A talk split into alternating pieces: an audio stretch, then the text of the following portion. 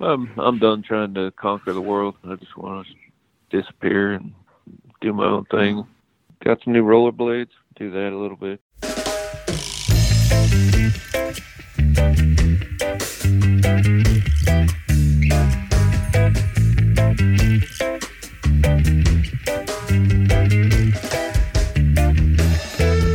Men cyklerne står stille, så vælter skeletterne ud af DCU-skabet. Hvem godkendte eller godkendte ikke fyringen af Jesper Vore?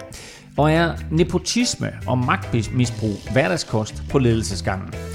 Med det, velkommen til mine to faste pamper, Kim mm. Plesner og Stefan Thurhus. Tak. Æh, Kim, den her DCU-sag, den udvikler sig ret dramatisk.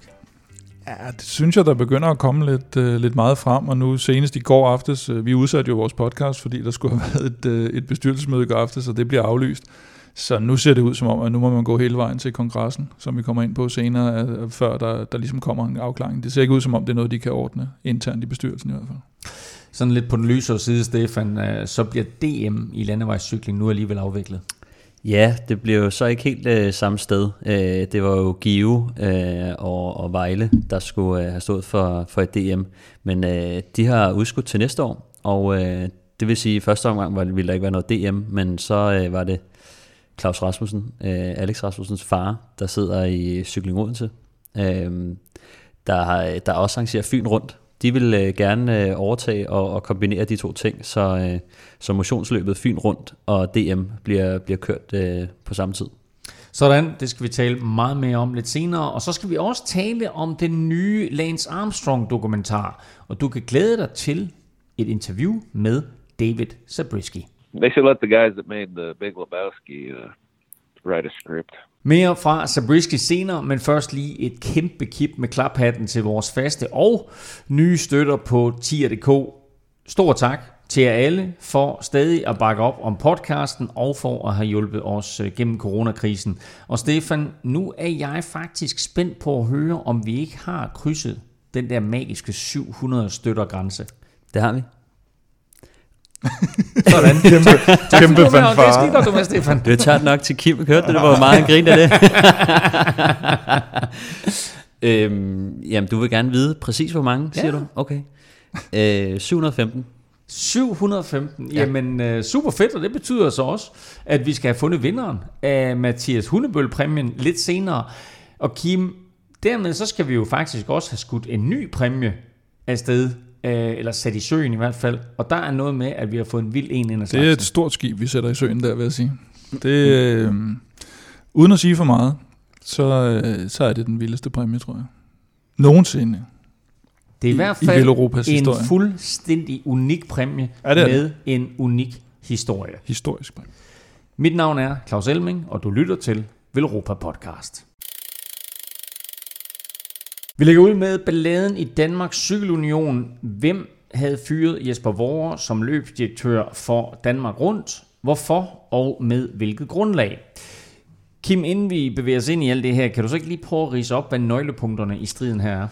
Jo, altså det er rigtigt. Det starter jo faktisk med, med vores sagen, kan man sige, som jo ikke er, han er, det er jo ikke en personale sag, kan man sige. Han er ikke ansat uh, i Cykelunionen, men han er jo ansat, som, eller han er hyret som konsulent og, og, og skaffer sig et dejligt overskud, har det i hvert fald været de, de seneste mange år på, på, på deres største begivenhed til, til unionen.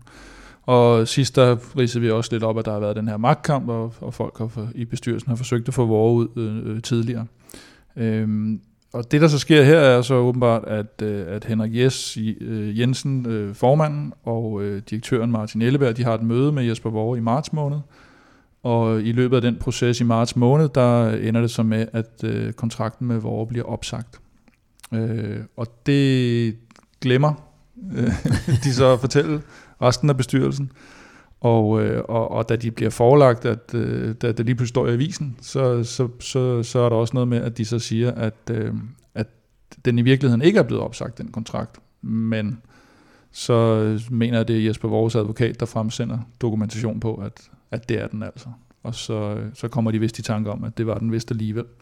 Øh, og det, jeg har i hvert fald øh, fået bekræftet, at der ikke rigtig er nogen aftale med, med Jesper Vore.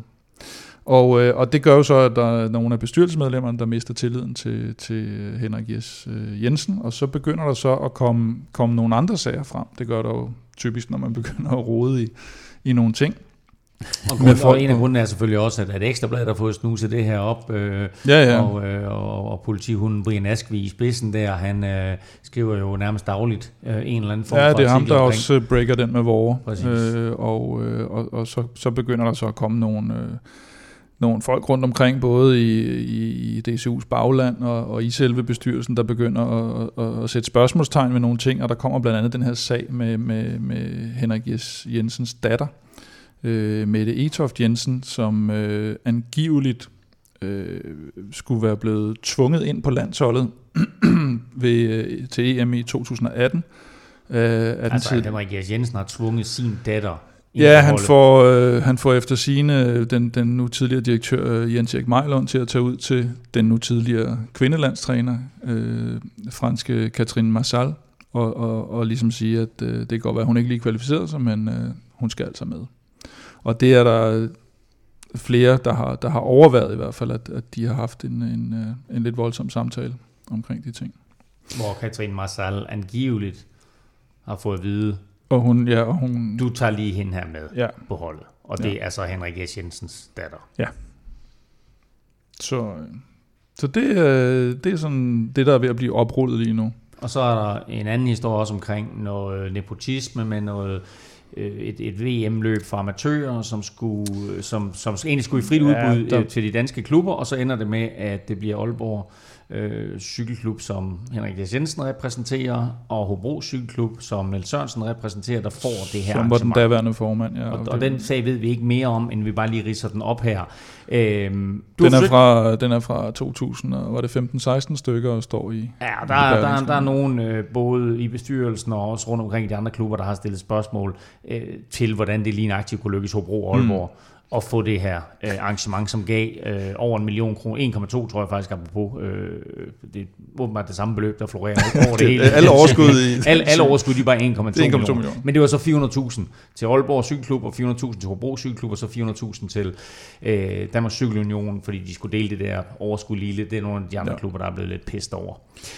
Du har forsøgt at få fat i Henrik Jes Jensen. Det er rigtigt. Han øh, ser ikke ud som om, at han har, har lyst til at udtale sig øh, i øjeblikket. Øh, så, så det vi har, er jo det, der har stået i avisen, og så har jeg så, vil sige, jeg har talt med efterhånden rigtig, rigtig mange øh, personer, både øh, øh, i DCU's bestyrelse og repræsentantskabet og baglandet, og måske har også snakket lidt med Jesper Vore, det ved man aldrig. Okay. Han må så ikke sige så meget, jo, kan man Nej. sige, i den her sag. Han er lidt bundet af sin... Men øh, han står jo så til en fyring. Ja, fyr, du kan ikke rigtig fyre nogen, du ikke har ansat, men han, øh, hans kontrakt er, er i hvert fald øh, med den øh, forhandling, de har haft, der er den ikke forlænget. Jamen, det, det betyder det samme som en fyring jo. Ja, men det, det, det kan er rigtigt nok, men, ja. men, Altså, der, men der er forskel kan- på en personalsag og en, og en, og en konsulentsag, der, der altså sådan i rent juridiske Men termer. han havde jo han havde en øh, fratrædelsesordning, ikke? Altså, Nå, men den er så udløbet Ej, her det, per, per 2020, det, er ikke? mange, det er mange år siden, han havde det. Så, så, Nå, okay. så han er opsagt her per 2020. Øh, 2020 yes. På Snor Danmark Rundt skulle have været det sidste løb, han arrangerede. Ja. Øh, og så er han blevet opsagt, og det er så det, der øh, opstår øh, okay. Lidt tvivl Jamen, omkring, det er fordi, hvem- jeg blander- havde beføjelserne til. jeg blander sammen med den sidste, den, øh, hvad hedder det, da han var ansat, ikke som konsulent, men tidligere, Mm, der ja, havde han han, havde en den der to års øh, udløb, ikke? Jo, og den er, den er væk. Så han havde en kontrakt fra 17 til 20, tror jeg, på, på Danmark Rundt, og så, så udløb den så her. Ja. Den nuværende kontrakt, og den blev så ikke øh, forlænget. Yes. Det var det, der skete i marts. Ja. Og alt det her, det skulle så også afklares internt. Der var indkaldt til bestyrelsesmøde i går aftes. Øh, vi optager her fredag, så det her det var torsdag øh, den øh, 11. Øh, må det Mhm. mm. være, 11. juni. Øh, og vi skulle egentlig have optaget i aftes, eller i går eftermiddags, men vi valgte at skubbe dagens podcast til i dag, netop for at, sådan, at vi kunne have nyheden med mm. omkring, hvad skete der på det her bestyrelsesmøde. Og hvad skete der så, Kim? ja, det har vi også. Vi har helt frisk. Vi, vi, vi ved præcis, hvad der ja. skete. Der skete ingenting nemlig. Nej, det, det møde blev aflyst. Der har været, jeg tror, der har været et par møder inden, øh, hvor, hvor alle de her ting ligesom er, er forsøgt løst, og man har øh, fra, fra Henrik Jes øh, Jensen og Martin Ellebergs side forsøgt ligesom at, at, at, at gennemgå, hvad er det, der er sket her, og, og det er selvfølgelig beklageligt, at den måde, det havde, havde udviklet sig på, da, da, da de øh, vidste om sider erkendte, at, at, at, at det var sket, det med Jesper Vore, og, Og, øh, og der har så været nogle møder internt, fordi det er klart for bestyrelsen, øh, nærmest øh, uanset hvilket bestyrelsesmedlem, er det jo bedst, hvis de ligesom får det ordnet internt. Det ser jo bedst ud også over for repræsentantskabet, når de skal have kongres, øh, uanset hvilken side man er på. Og, øh, og det var så et, et møde i rækken, der skulle have været i, i går aftes, men jeg ved ikke om, om, øh, om Henrik Jes og, og Martin Elleberg, de har, de har vurderet, at, at, at der ikke rigtig var nogen grund til at holde det møde, øh, fordi altså mulighederne for at løse det internt i bestyrelsen er, er udtømt, og så må man ligesom tage den, tage den på kongressen i stedet for. Det, det, det ved jeg ikke. Det var Martin Elleberg, der officielt øh, aflyste mødet i går i hvert fald. Og den her kongres, den er næste weekend i Horsens, og lige om lidt, der taler vi mere om, hvilke konsekvenser den her ballade øh, i DSU, øh, DCU's bestyrelse kan få på den kongres. Nu først til noget forhåbentlig lidt sjovere, men hvor jeg jo også flere gange af dig, Kim, er blevet beskyldt og anklaget for magtmisbrug. For nu skal vi quizze. Og øh, stillingen er jo, Stefan, og du sidder derovre og smiler så dejligt til mig. Du fører jo, du har 10 point, og Kim Plesner har 9 point. Og øh, lidt senere i dag, der skal vi jo tale Lance Armstrong og den her nye dokumentar. Og øh, jeg har set første afsnit, I har begge to set uh, begge afsnit, og uh, derfor så var det første spørgsmål, jeg har planlagt til jer, det er sådan gået lidt fløjten, fordi mit første spørgsmål var egentlig, uh, at han jo ikke oprindeligt hed Lance Armstrong. Hvad hed han oprindeligt til efternavn? Og der har jeg så forestillet mig, at jeg lige vil give et lille hint, at det er næsten det samme navn som en tidligere dansk verdensmester i Speedway. Ja. Så hvad hedder han? Gunnarsen. Lige nøjagtigt. Ja. Gunderson. Gunderson, lige nøjagtigt. Nå, men det blev ikke spørgsmålet. Derimod blev spørgsmålet, at øh, de fleste af Lances sejre er jo fjernet øh, fra historien, men øh, mere eller mindre alt, hvad der er fra før 96, har sådan fået lov til at bestå, inklusiv hans sejr i Flesh Vallon i 1996. Men den samme rytter vandt året før Lance og året efter Lance. Hvilken rytter var det? I Flesh. Flesh Vallon blev vundet i 1995 og 1997, altså på hver sin side af Lances sejr i 96 af den samme rytter. Hvilken rytter var det? Og til jer to, og alle jer, der sidder og lytter med, lad nu være med at google. Vi skal tale lidt mere om øh, balladen i DCU og øh, om den her kongres i Horsens, der altså afholdes søndag den 21. juni. Og efter de her seneste dages øh, skriverier øh, i Ekstrabladet fra, fra Brian Askvi, øh, der er presset på øh, formand Henrik Jes Jensen. Det er altså steget ret kraftigt. Øh, og Kim, hvis nu man kun læser det, der står i aviserne, øh, og, og lidt det, som du gennemgik for os før, så ser det jo ikke sådan skide godt ud for Henrik Jes Jensen. Nej, det må man sige. Øh, Både, både internt, og han har også nogle, nogle internationale, eller internt i Danmark, og nogle internationale ambitioner har han også. Og, og det er klart, hvis, hvis han lige pludselig bliver, bliver skubbet, skubbet af posten herhjemme, så, så begynder det at, at se lidt, lidt ærgerligt ud for, for en person, som hvis man sådan taler med, med folk rundt omkring, og det er i, i mange forskellige kredse, så, så er det det der med, at han er, han er drevet af, af politiske ambitioner, bliver betegnet som et magtmenneske, og, og han godt kan lide at, at holde sig måske sådan lidt i baggrunden, og så lade nogle andre sådan stå foran. Han har jo været med lang tid i bestyrelsen, hvor vi ikke har, har hørt om ham, og nu, nu er han så på vej frem, og så, så kører han lige nogen foran sig som sådan en sneplov, der, og i øjeblikket, der, der, der lader det lidt til at være, være direktøren Martin Elleberg, der, der tager lidt tæsk for ham, og, og, og, og hvis det er, at, øh, at, øh, Henrik S. han ryger ud, så ryger de nok ud sammen, kan man sige. Øh, men, men, men der har også været det, at, øh, at, at under Henrik Jes formandskab, det er jo der, der ligesom er kommet ro på, på DCU på den økonomiske front. De var jo fuldstændig ude i, i tårne, og han fik ansat en, en direktør, Jens Erik Mejlund, som, øh, som har formået at forvente øh, det her økonomiske moras, og for første gang have, i, i mange år have positiv egenkapital, og, og egentlig nogenlunde styr på, på, på de her ting, i hvert fald indtil der så sker alt det her corona og vore og aflysning af, af PostNord og Danmark Rundt, som, øh, som så har bragt det lidt ud i tårne igen, bare på, på den personlige front. Men hvad, hvad var så tungest? Det faktum, at han rent faktisk har øh, vendt øh, DCU-skuden, eller det faktum, at han, øh, som det lader til nu, øh, har, hejlet, har handlet også lidt for egen vindings Har hejlet simpelthen. Har hejlet. For egen, det sagde jeg ikke. Jeg, jeg sagde det handlet. Tror jeg, godt. jeg sagde handlet. Men det gør man ofte for egen vindings skyld. Hejler. Øh, Ej, stop det der nu. Det her, det bliver skåret ud. øh, nej, nu har jeg næsten glemt, hvad spørgsmålet var. om, om, om hvad der var i tungest, om, om, det, om, om det faktum, at han rent faktisk har haft en positiv indvirkning på DCU og, og hele deres turnaround, eller det her faktum, at det nu kommer frem, at han har gjort meget af det. Øh, et for egen vindingsskyld øh, med, med det med sin datter, måske noget økonomi, mm. og måske også for at sætte sig selv i en bedre position øh, ja. på den internationale scene. Ja, altså det, problemet er jo lidt det her med, at der ser ud til sådan at komme, komme ting ud af skabet, øh, og, og, og, og altså det, jeg tror, det bliver et spørgsmål om, hvor, hvor meget han ligesom får stoppet det, og får sagt, altså i øjeblikket kører der også sådan en, øh, både i bestyrelsen og, og lidt rundt i repræsentantskabet, om at man, man er næsten mere sur over, at der er nogen, der går i pressen med de her ting, fordi det burde man kunne klare internt.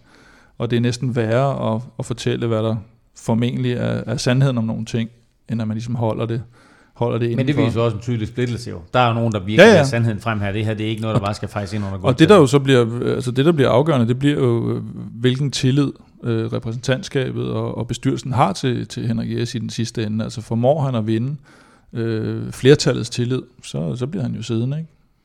Men det, altså, jeg tænker også, at, at det kan også få konsekvenser for ham på den internationale scene, hvor han har store ambitioner. Ja, det er klart. Han, han har kørt i stilling som, øh, som, øh, som øh, formand for det europæiske cykelforbund, og, og det tror jeg, altså, der er allerede begyndt at komme. Nogle af de her nyheder, der har været i Danmark, har også været lidt øh, på, på den internationale scene. Øh, Øh, selvfølgelig ikke, det er ikke sådan, at, at, at alle de store cykelsportsnationer, de sidder og, og, og bladrer rundt i aviserne for at se, hvad der sker i Danmark hver dag. Men alligevel, så, så rygtes det jo, og også i de politiske kredse, og det er klart, at hvis han, hvis han decideret bliver væltet som formand i Danmark, så ser det jo ikke kønt ud på, på generaliebladet er jo et ord, vi ikke får brugt tit nok i Det er det. Er, øh, er, det sådan, er det sådan det officielle gamle danske ord for, for CV eller sådan noget? Ja. Og, øh, og det, det må man næsten formode, at hvis han, hvis han ligesom ryger pinden i Danmark, så, så, så bliver han heller ikke europæisk præsident eller formand, eller hvad fanden det egentlig hedder dernede. Vi følger naturligvis med med øh, spænding øh, i omkring, hvad der sker på kongressen, og den afvikles altså som sagt øh, på næste søndag, det er den 21. juni, og det er i Horsens. Ikke mere om DCU lige nu, til gengæld lidt mere om en anden mand, der har været ret god til at fejre ting under gulvtæppet. When my life took the turn that it took, I said to myself, everywhere that I go for the rest of my life, somebody is going to walk up to me and say, fuck you. Om man kan lide det eller ej, så vil Lance Armstrong for evigt være en del af cyklingens historie. Den amerikanske sportskanal ESPN har lavet en mini-dokumentar om den syvdobbelte turvinder, der efterfølgende måtte gå bodsgang, indrømme doping og fik frataget alle sine titler. Stefan og Kim, I har set, øh, I har begge to set øh, hele dokumentaren, der er i to afsnit øh, og på omkring tre timer til sammen. Øh, den hedder blot Lance. Hvad synes I om den? Kim, du starter. Jamen, jeg synes, det er en, øh, en, en god dokumentarfilm, en godt, øh, godt skruet sammen, øh, og god som en, en, øh, en historisk gennemgang, og man sidder sådan, du ved, lidt, åh ja, det er også rigtigt, og så skete der det der, ikke? Øh, så, så der er den egentlig rigtig fin. Jeg synes ikke rigtig, den bringer noget, øh, altså der er jo ikke nogen nye afsløringer, eller hvor man siger, nå, så, så outer han en eller anden, eller sådan noget, men det, og, og, og og, og man får egentlig bekræftet det her med, at han er, et, øh, han er, et unikt, han er en unik atlet, Øh, og så, jeg kender ham jo ikke personligt, så jeg ved jo ikke, om han er et dumt svin, men han har i hvert fald opført sig som et mhm. dumt svin, og han, han, nogle af tingene har han taget til sig. Hvor meget han så lige øh, spiller spillet, eller han rent faktisk har lært af det, det, det, det er lidt svært at, at vide. Men øh, jeg vil sige, jeg synes, det springende punkt, det er lidt det der, hvor han sidder og, og bliver spurgt, om, om, øh, om han gør det her for, for at få relevans igen.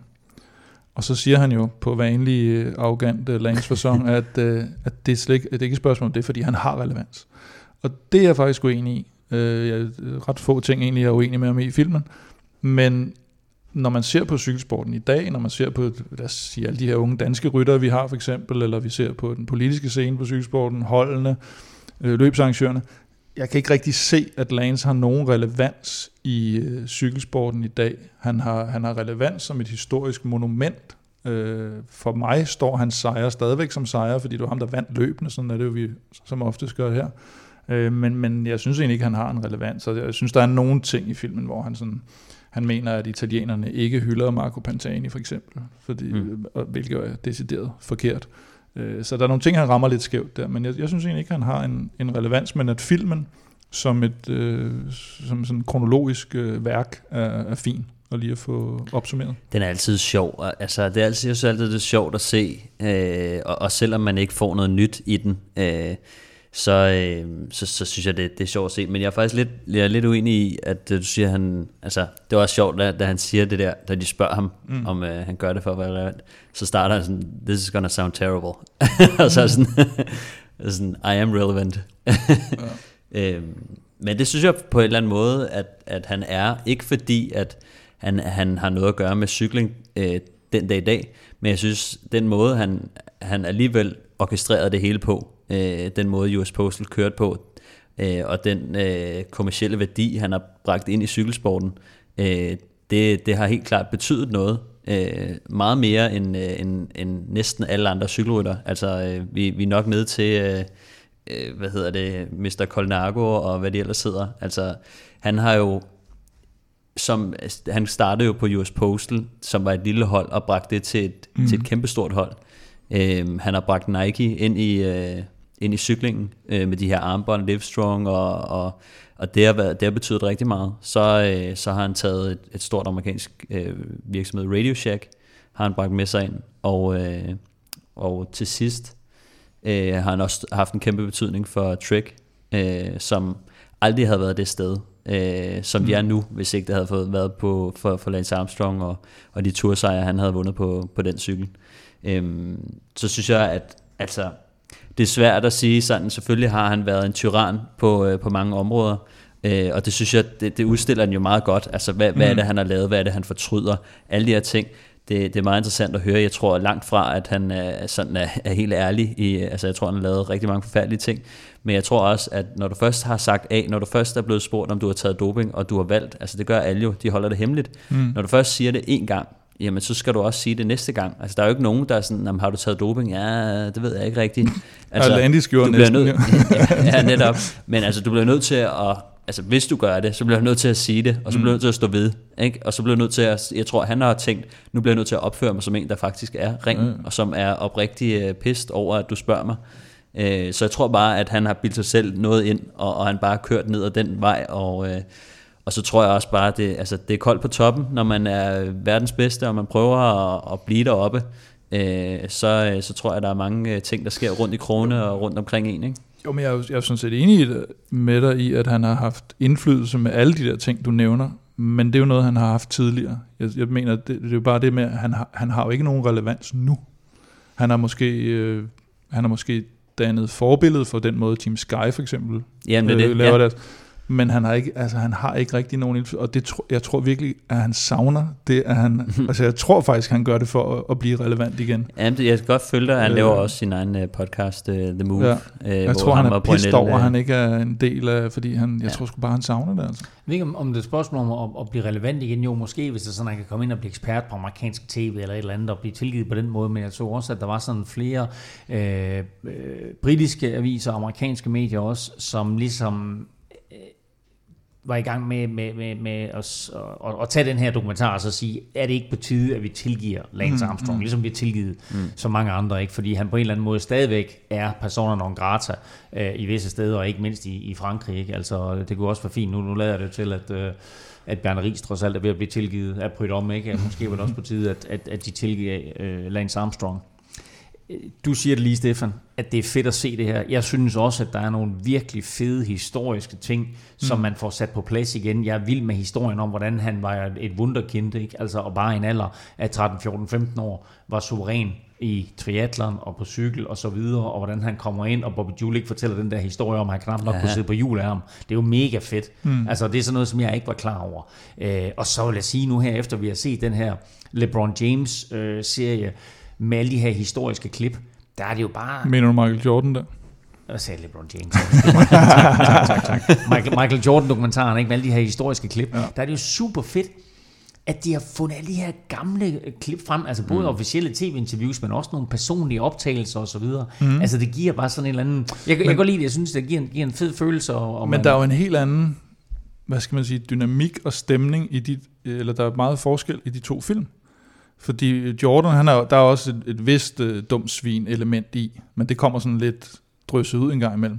Men hvor Lance, der, der er hele, hvad skal man sige, hvad skal man Ja, sige? fortællingen er, er fortællingen er, at han er dum. Altså han skal ligesom sidde og for- både forsvare, altså det er næsten det, der er hele kernen i historien, Mm. øh, hvor, hvor det andet er omvendt, og der er man mere sådan, du ved, sådan, nå ja, og lidt jublende over det der Chicago Bulls, ikke? Du er ikke rigtig, Nu, Så nu, sådan- nu ved jeg ikke, hvor meget Ja. han er med i andet afsnit, men altså skurken i første afsnit, det er sgu da den der øh, papfar. Som, Åh, ja, han er som, ikke meget som, med, som, som Han får tre minutter ud af halvanden Ja. time og bare bliver fremstillet som, her, her har vi skurken, her har vi manden, der, Ja. der kørt Lance ud på overdrevet. øhm, men udover, udover det her, øh, Kim, og du ikke mener, at, at, Lance har nogen relevans for cykelsporten, så ved jeg også, at det er sådan, at der er, andet, der er noget andet, som, som du ikke synes er så fedt ved den her dokumentar. Nej, men ikke så meget dokumentaren. Jeg synes egentlig, at dokumentaren er ret troværdig og ret øh, afbalanceret.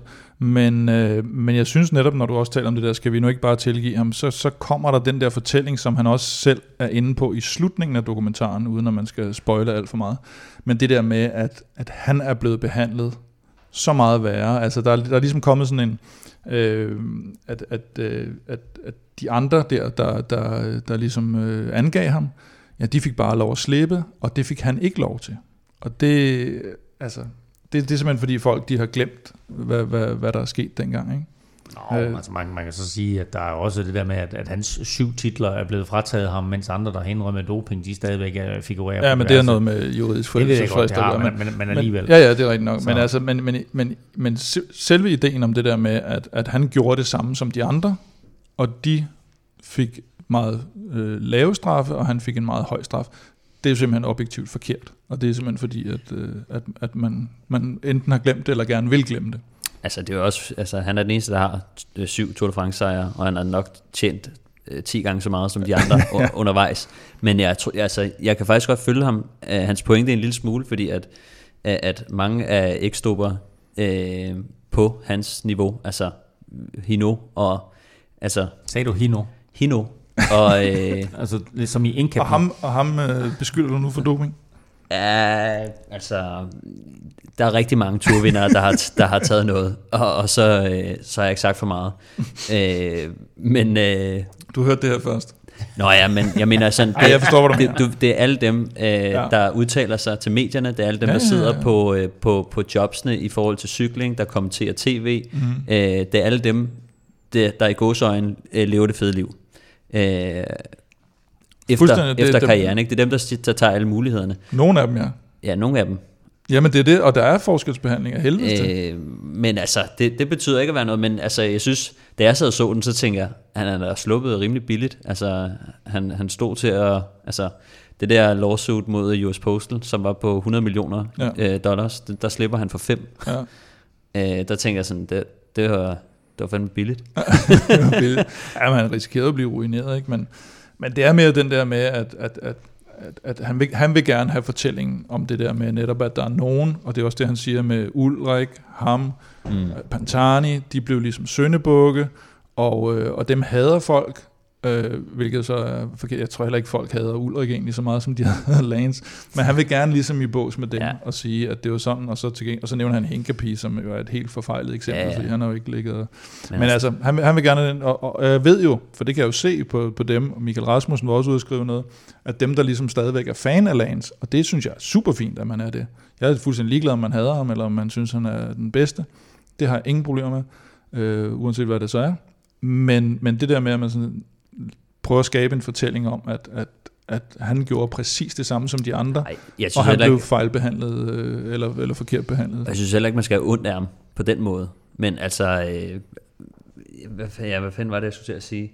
øhm, altså, når jeg jeg, det jeg mener, det er, at, at jeg synes, at mange har øh, negligeret øh, hans rolle i cykling, og hvor god han var. Og at, at der er mange, der tror, at når man, så længe du bare tager øh, doping, og han har bare taget mere end de andre og så videre. Mm. Øh, jeg, altså, jeg er meget fascineret af det, han har udrettet øh, alligevel. Ja, det er sindssygt, det kan du ikke- du Det er fuldstændig bare- vanvittigt også at tænke på, hvordan han har orkestreret de hold, han har kørt på. Ikke? Ja, ja. Jeg ved godt, at han har været en tyran, men alligevel, altså, det, jo. der er noget, øh, noget vanvittigt i at kunne øh, indgyde den frygt i sin modstander, han kan styre øh, folk mm. med, øh, med enten øh, altså bare være led, eller også så har han givet, lagt nogle godbidder ud, som mm. øh, for eksempel med Ivan Barso og Pantani, han Ja, ja, har lavet dem vinde en etape, hister her og sådan noget.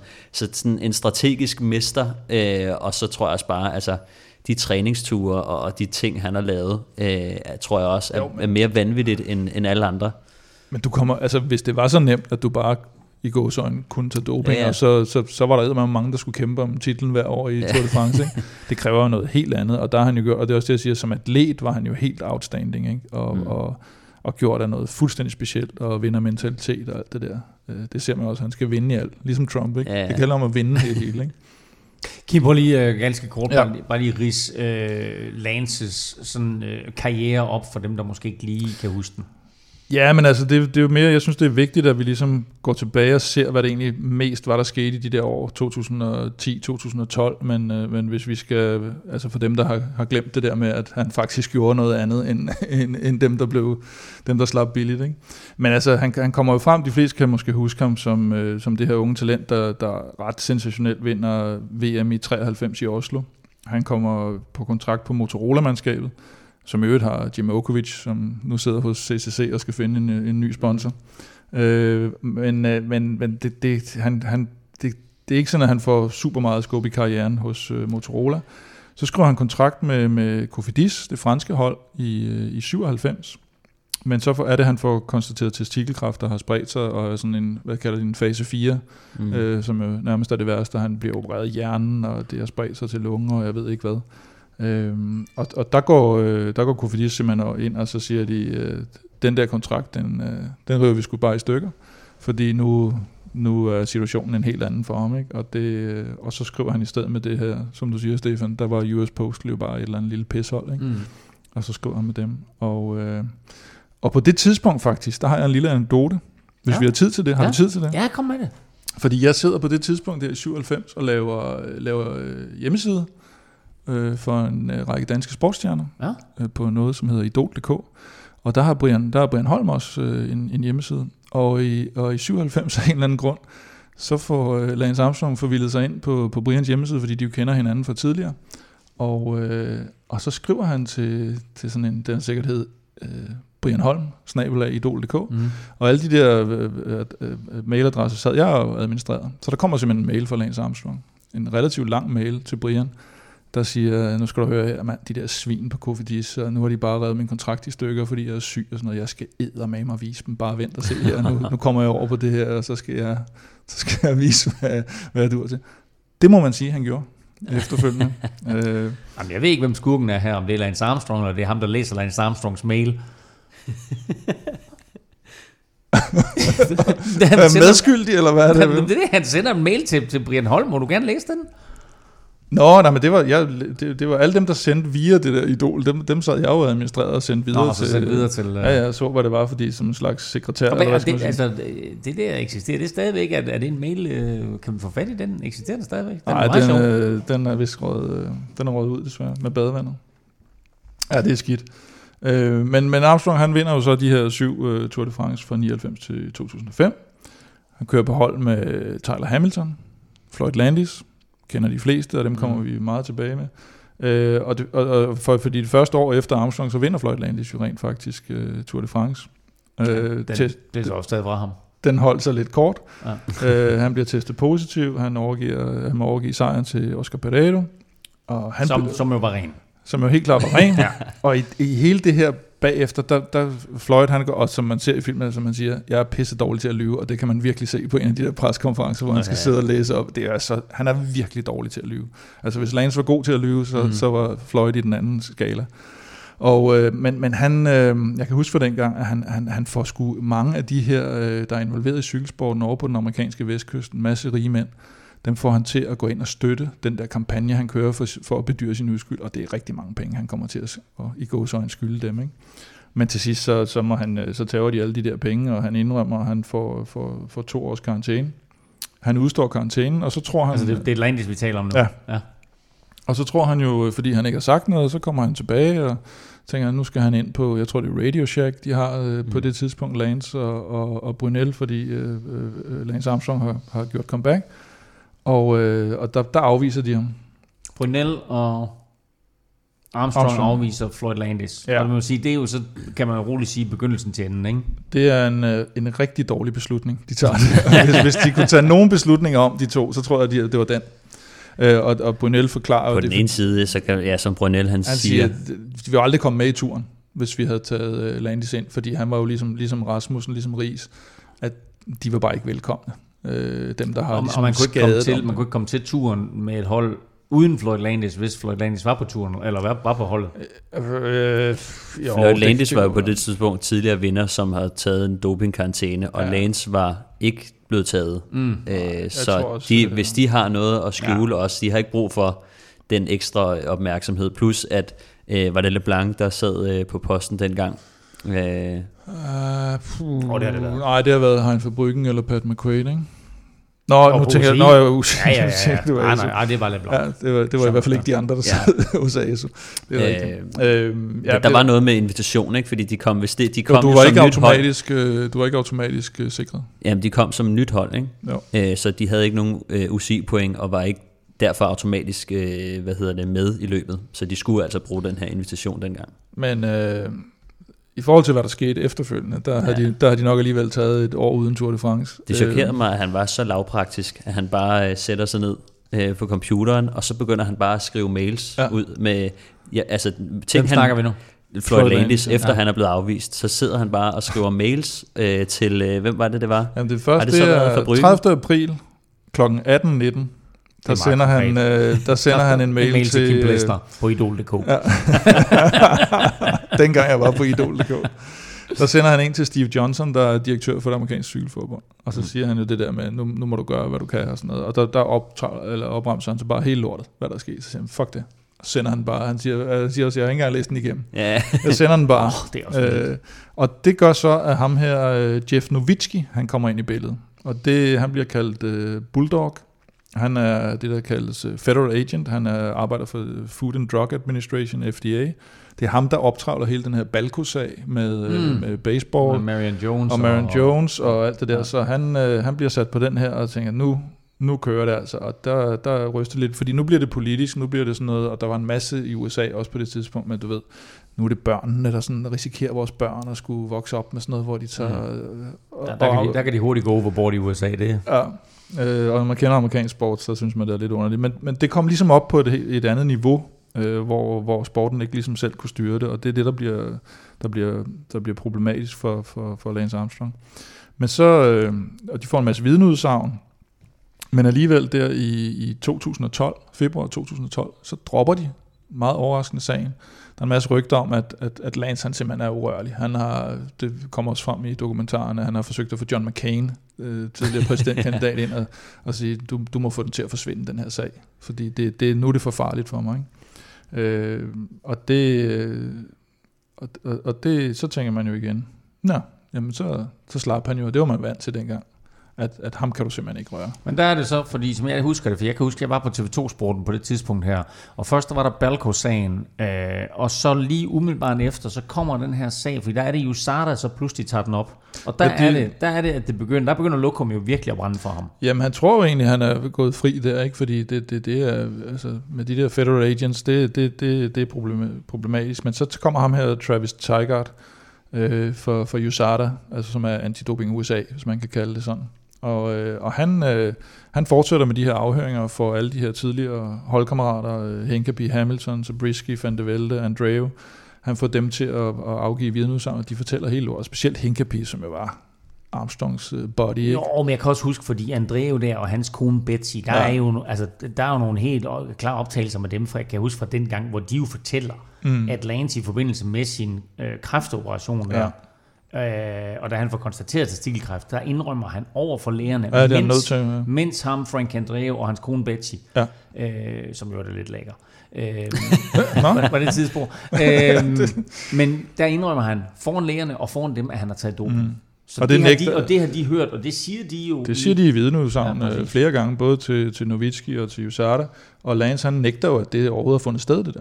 I lang tid nægter han det. Øh, og så, øh, så, så har de lige pludselig øh, nok materiale, mener øh, Travis Tiger, fordi han får også nogle blodprøver fra 2009 og 2010, hvor Lance har gjort comeback fra et øh, svejtisk laboratorium, der indikerer, at han har, har, har lavet bloddoping. Og det vil sige, nu, nu har de så meget materiale, de mener, de kan både øh, knalde øh, Lance og Brunel, og så er der to øh, spanske læger, der hedder Pepe Marti og José et eller andet Del Moral, for at det ikke skal være løgn. og så Michele Ferrari, jo, som, øh, som har været Lances øh, øh, marker igennem øh, alle årene med doping. Men alle de her, der har afgivet vidneudsagn, øh, øh, André, Hinkepie, Hamilton, Landis og alle dem, de øh, får, får at vide, at I slipper med 6 måneder, hvis, øh, hvis det er, I, I hjælper til. Og Lance får samme tilbud. Nå, okay. Men siger nej, fordi altså, hvis du lige har overstået sådan en øh, federal agent, der har været efter ja, dig, så tænker ja, ja. du, det kan de bare droppe. Og de, øh, de, de gør simpelthen det, at de øh, kører en kontra... Men altså, han får tilbud, hvis han, hvis han indrømmer, ja, så får han hvad, 6 måneders hvad? Ja, det siger Travis Tiger. Han siger, hvis han også hjælper, øh, hjælper i efterforskningen, så får han også nedsat sin straf. Og i filmen, men hvad er det for en straf? Er det, ja, er, det, men det, er det en dopingkarantæne, eller er det en fængselsdom? Eller nej, hvad? det er øh, dopingkarantæne. Og i filmen siger Tiger, at han også havde fået 6 måneder. Det kan man så tvivle på. Men han havde ikke fået livstid i hvert fald. Det er 100% sikkert. Men, men Lance tror ikke, han kan røres på det tidspunkt. Der ja. tror han simpelthen, og der er han den sejeste i hele verden. Men jeg tror også, han har været vant til at sige, altså, fuck, fuck yeah. ja. Og, og det er der, hvor han går fejl, og det er der, hvor historien ikke rigtig passer med det der med, at han gjorde det samme som de andre. Og, fordi hvis han havde indrømmet, og hvis han havde gået med til at samarbejde der, så har han ikke siddet med livstidsgarantien nu. Hvis man så nu ser tilbage og siger, jeg gjorde det samme som alle de andre. Nej, du sagde ikke ja tak til nej, at ja. medvirke til at opklare det her. Du sagde nej tak. Du indledte faktisk en kontrasag. De lagde sagen mod og sagde, I har slet ikke øh, juridiske beføjelser til at køre den her sag. Og den troede han også ville gå igennem, så sagen igen mm. kunne blive afvist, ligesom den gjorde sidste gang. Men det kommer så bare ikke til at ske. Øh, fordi øh, der er den 20. august 2012, der er der sådan en district judge, jeg ved ikke hvad, du har været i, du har været i Amerika engang, jeg ved ikke hvad er. En distriktsdommer. ja, det er godt oversat. Der hedder Sam Sparks, han afviser simpelthen øh, deres sag, og det er spekulativt, at de siger, at de ikke kan få lov at føre den her. Og så, øh, så sker der sgu ting og sager, lige pludselig. Ikke? Så, er det, så, er der, så er der ikke noget at gøre. 24. august, så bliver de sigtet formelt indkaldt til høring. De nægter fortsat. Brunel nægter fortsat, Lance nægter fortsat. Lægerne der, Ferrari, de gider ikke være med til noget af det der. Men det, det der overrasker mig lidt her, det var jo egentlig, som, som jeg husker det tilbage fra den gang, der var der den der bog af Tyler Hamilton, mm. som jo lige pludselig var sådan lidt revolutionerende, og der er det, at, at, at vi alle sammen sådan får et indblik i, jamen altså, hvis Tyler Hamilton har skrevet en bog, og den er udgivet, og vi skal tro på Tyler Hamiltons ord, så... Ja, og Tyler Hamilton er jo egentlig, det er jo lidt ligesom, jeg synes, den her film er et øh, dokument over, hvad der egentlig er sket. Så blev Tyler Hamilton også et dokument over hele den her sag, og hvad der var sket eller historisk øh, monument måske over det. Fordi i virkeligheden skriver Tyler Hamilton ikke rigtig noget i den bog, som Floyd, der ikke har stået i Floyd Landis e-mail. Mm. Øh, så det er egentlig, men her kommer det så ud til et, et stort publikum, og, og, og nu er den her sag kørt så meget i gang. Der er kommet de her vidneudsagn efterfølgende, så den får meget større troværdighed, den bog, end Floyd Landis e-mail havde. Og så kommer det, øh, så går det jo lige pludselig, nu, nu bliver det jo brændslukning fra Lances side, ikke? herfra øh, 10. oktober, USADA-rapporten, der kaldt den The Recent Decision, øh, 200 sider, øh, hvor nærmest alle har, har afgivet vidneudsagn. Og hvad er vi stadigvæk 2012, ikke? Øh, jo, og så, øh, og så er det, at, øh, at øh, UCI, som jo øh, Pat McQuaid har jo også gået imod og sagt, de, de startede jo med at sige også, men USADA kan ikke dømme Lance Armstrong på det her. Det er kun UCI, der kan det. Mm. Men der går VADA så ind, øh, det internationale dopingagentur, og støtter USADA siger, det kan de sagtens. Mm. Og så er det Pat McQuaid, han må øh, stå op på det der pressemøde den 22. oktober og sige, at øh, Lance Armstrong has no place in cycling. Og, og Men, så er det... Og der er ligesom du siger, Stefan, med hvor stor indflydelse han havde øh, på cyklingen generelt, og især for amerikansk cykling og mange amerikanske virksomheder, så kommer det også frem i dokumentaren her, hvor stor en indflydelse han havde, og, og, og hvor vigtig en person han var for mm. UCI. Altså mm. først han ja, ja, ryggen, og siden Pat McQuaid, altså har jo, øh, har jo beskyttet ham ud over deres beføjelser nærmest. Ikke? Der var jo styr på det. Altså, der, det var dejligt. Det var et af de eneste tidspunkter i cykelsportens historie, hvor der har været lidt styr på organiseringen af sporten. Fordi man vidste ligesom, hvad det var, man havde. Og man havde den her, øh, ikke globale udbredelse, men man havde i hvert fald til det nordamerikanske kontinent lige pludselig en kæmpe stjerne, der gjorde, at cyklingen blev spredt fra Europa og til Nordamerika til det kæmpe marked. Og det var noget, som Hein Bryggen jo kæmpede meget for. Han kæmpede også, også for noget over i Asien, der ikke gik så godt, men, men, øh, men, men helt klart og, og, og, og, og meget typisk, lige inden Lance kommer til. Lance vinder i 99. Hvad har vi året inden? Der har vi, Pan- Pantani. der har vi Festina skandalen. Åh, oh, for Stinas, ja, det er Mm. rigtigt, ja. Året efter Lance er stoppet, der har vi Floyd Landis. Ja. Ikke? Og vi har Michael Rasmussen året efter. ja. Og så kommer Landis, eller så kommer Saster, og så kommer Lance Armstrong tilbage. Så man kan sige, rundt om Lance Armstrong, der er der kaos. Men i de syv år, hvor Lance var, der var en lille kortison øh, tilbagedateret lægeerklæring. That's it. så de var også glade for, at der var ro på. Ikke? ja. Masser af beskyldninger, men ingen, ingen, Ja, større, ja, ingen men- større skandaler. Nå, Måske endda har det været sådan et, et upswing, også økonomisk, ikke? For, øh, for, for hele cykling. Jo, og, øh, sindssygt. Ja, Jo, jo, men det er jo et helt, altså, det er jo Jo, et men også- nyt kontinent, altså, de jo, får også på. bare fordi i det øjeblik, at amerikanske virksomheder med deres øh, Mhm. enorme pengetanke, de træder ind, så kommer der bare en helt anden form for Ja. ja. cashflow ind i cykelsporten, så derfor har det helt sikkert været vigtigt også for ledelsen i, i den internationale cykelunion, øh, at, at, at, han, at han var Og han superstjernen var, over og han var jo sindssygt stor. Altså dengang. Det, det Ja, ser ja. man også i dokumentaren. Han, var, han kunne alt. Han kunne Ja, åbne døre til alt. Crow jo. Ja, helt vildt. Nej, men han var jo vanvittig. Altså, helt vanvittig. Og Det er ikke sikkert, at vi får nogensinde så stor en, en stjerne igen. Ja, men han indrømmer, han indrømmer i et Oprah Winfrey show, og det er selvfølgelig ja. der, hvor han sidder, hvor hun, hun spørger, 13. januar 2013, og så, sådan, så jeg kommer er det hele. Er over, at du kalder de her datoer i hovedet. Ja, det står her på min computer. Jeg googler. Jeg sidder og googler. Googler du? Ja. Ej, det må man sgu ikke, det ved du godt.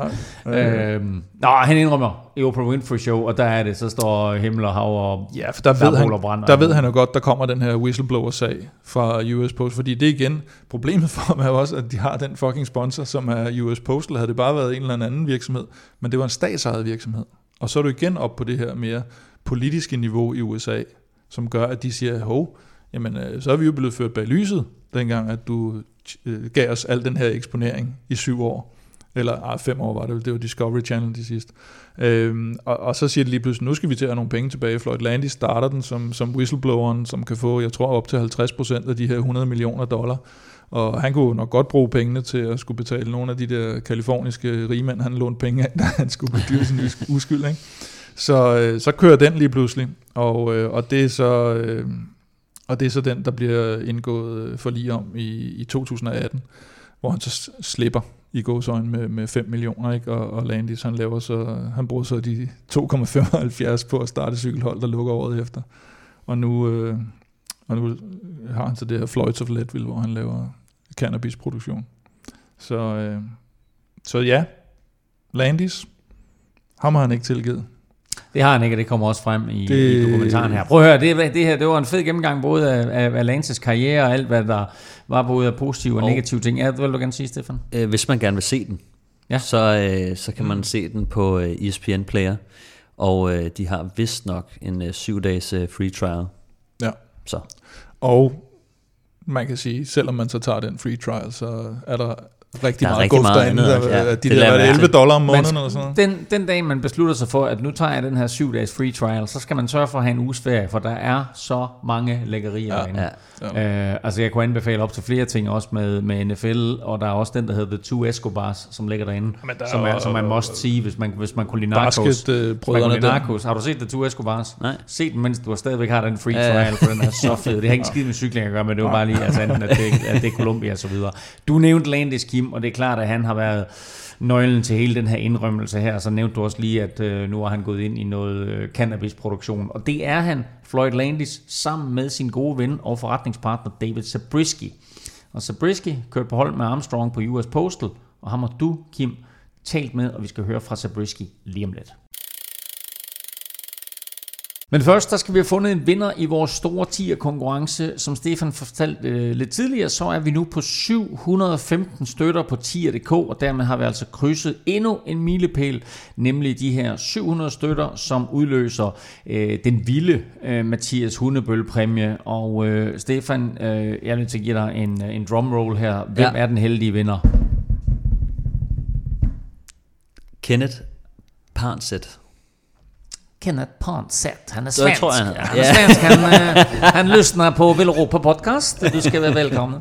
Øh, jamen hold kæft, man. Du, øh, Kenneth Ponset. Er vi sikre på, han hedder... øh, Er det ikke bare hans... øh, Det kan også være et firma? Parnset? Nu skal du ikke, nu skal du, nu skal Du skal ikke begynde at- Det her det er brud mod de der øh, GDPR-regler og sådan noget. Nu skal du bare stoppe der. Nå, men det er jo bare en spekulation. Ja, det er det godt. Fint, men Kenneth, Kenneth, du er vinder. Øh, og kæmpe stor tillykke til dig, og kæmpe, og, og tusind tak, fordi du støtter os, og du får altså den her Mark Cavendish trøje, var det, var det en Ivan Basso trøje? Ja, ja. Og øh, en Alan Philippe drikkedunk, og der var meget mere, to bøger blandt andet, og så videre. Din bog. En, øh, hvad siger du? Din bog. Han får ikke min bog. Han kan få din bog, kan han. Så øh, kæmpe stort tillykke til, øh, til Kenneth. Tak til dig, og tak til alle andre, der støtter. Øh, og Kim, øh, nu troede vi sådan lige, at vi havde ramt loftet, hvad angik præmier med den her fuldstændig sindssyge præmie fra Mathias Hundebøl. Men så sker der det, at øh, du får en henvendelse på øh, via de sociale medier. Ja, det er i hvert fald noget online. Og, øh, og det, ja, jeg troede heller ikke, det var rigtigt, da, da jeg fik øh, den besked der. Og så Kasper Terkelsen fra Vejle, han, øh, han skriver og siger, jeg har, jeg har en præmie liggende hjemme i skuffen der, som øh, måske kunne være noget for jer. Ja, og jeg kan faktisk nå den her. Og nu tager jeg den op, og nu kigger jeg på den. Og øh, det er jo faktisk, den er jo faktisk så crazy, den her præmie, at du har lavet et interview med Kasper, for at få Ja. baggrundshistorien for præmien. Skal vi ikke lige høre, hvad du og Kasper talte om, og hvad præmien helt nøjagtigt består af, eller er? Du var til VM i Yorkshire sidste år. Ja, det var jeg. Øh, det vil så være en fast tradition, eller vi har været det to gange nu. og vi så bestilt igen til Schweiz. Jeg synes, det, det blev til noget. Og hvem er, hvem er du afsted med? I England, der var den gamle øh, gymnasiekammerat, og så en, øh, en øh, en gang også, som var med. Jeg er jo gammel cykelrytter selv, så interessen ligger tilbage snart 20 år nu. Og, Ja. og hvor, hvor stod I henad? Vi stod øh, 200 meter før målstregen, så vi ser jo lige der, hvor Mads P. han går forbi øh, Trentin, der ser vi ham lige i ansigtet. Og så er vi godt klar over, at, at der var hjemme allerede der. Vi kunne se, at han skød meget højere fart, end, end Trentin han gjorde. Og vi var bare helt op og kørte det til skære. Og så er der sådan en lille episode øh, undervejs, hvor Philip Gilbert han, han får problemer eller er involveret i sådan et, øh, det er jo ikke noget voldsomt styrt, men han, han, han ryger ned på en eller anden måde, og, og Remco Evenepoel kommer over til ham. Øh, der, der, der står I også lige i nærheden, eller hvad? Ja, jeg kan huske, jeg hænger ud over øh, barrieren der, og så kan jeg så se Remco komme først, og så Gilbert sidder på hjul. Og Gilbert han sidder og bøvler med sådan en regnjakke, og bliver meget irriteret over, at han ikke kan komme af. Og så får han lige akkurat af inden også, og så smider han lige ind i, i barrieren, hvor jeg står. Og så smider jeg så lige min størrelse 45 ud på den, og så havde jeg den, jeg havde den trøje med hjem. Det var meget fedt. Man lige se skrammerne på den og, og det hele. Og det vil sige, det er så, det er så efter, at, øh, at han har været nede der. Altså det, er jo- det er der, hvor Remco forsøger at køre ham op igen til feltet. Ja, lige præcis. Ja. Ja, man kan se på tv-billederne, han har den regnjakke på der, og så, ja, men nu senere, så har han den ikke på, så jeg, kan sige, jeg, har, jeg står med den i hænderne. Det var lidt en souvenir. Og den har du så simpelthen valgt at, at donere til, til Veloropas tierkonkurrence? ja, jeg tænkte, den kunne I nok godt bruge til noget. Og hvis ja. I var glade for en uh, time inden jeg stod i vejkanten, så tænkte jeg, så kunne den der vel også godt. Det er lige at tage den ene eller to op, mener du? ja, det tænkte jeg. Ja. Ej, men uh, tusind tak, Kasper, fordi du, du har doneret, hvad, hvad jeg tror, vi, vi nok er enige om, er, er den vildeste præmie nogensinde, vi har haft i, i vores tierkonkurrence. Jamen, det var så lidt. Jeg tror ikke, jeg vil få den brugt. Wow, super fedt. Og øh, jeg sidder med jakken her, som sagt, og man kan faktisk se, for jeg kan se her på højre albu, der kan man jo så se, der er huller i, og det er jo selvfølgelig efter øh, det styrt, som øh, Philip Schubert han, øh, han var inde i der. Øh, og så står der fil i nakken, det er sådan lige, du ved, den, den sidste, det sidste lækkeri, og det her, det er jo en, øh, det er en quickstep-jakke, altså ikke en belgisk landsholdsjakke. Så det var jo, som vi husker det, forfærdeligt vejr i Yorkshire, som jo passede de danske ryttere, og især en ganske godt, ah, faktisk en to-tre stykker, øh, ganske godt. Øh, Phil Gill, super fed jakke her. Stefan, skal du ind og støtte lidt på tier.dk? Det kunne jeg sgu godt tænke mig. Altså, for det første, det er en, meget- det er en rigtig fed sort øh, regnjakke med Altså nogle reflekser, og øh, det er måske også lige min størrelse. Ah, måske er den lidt større. Det er måske, jeg vil skyde på, at det er nok en medium faktisk. Ja. Øhm, det passer nok meget godt til hans størrelse. Måske en small. Ja, så store hjemvinder i hvert fald ikke. Stor.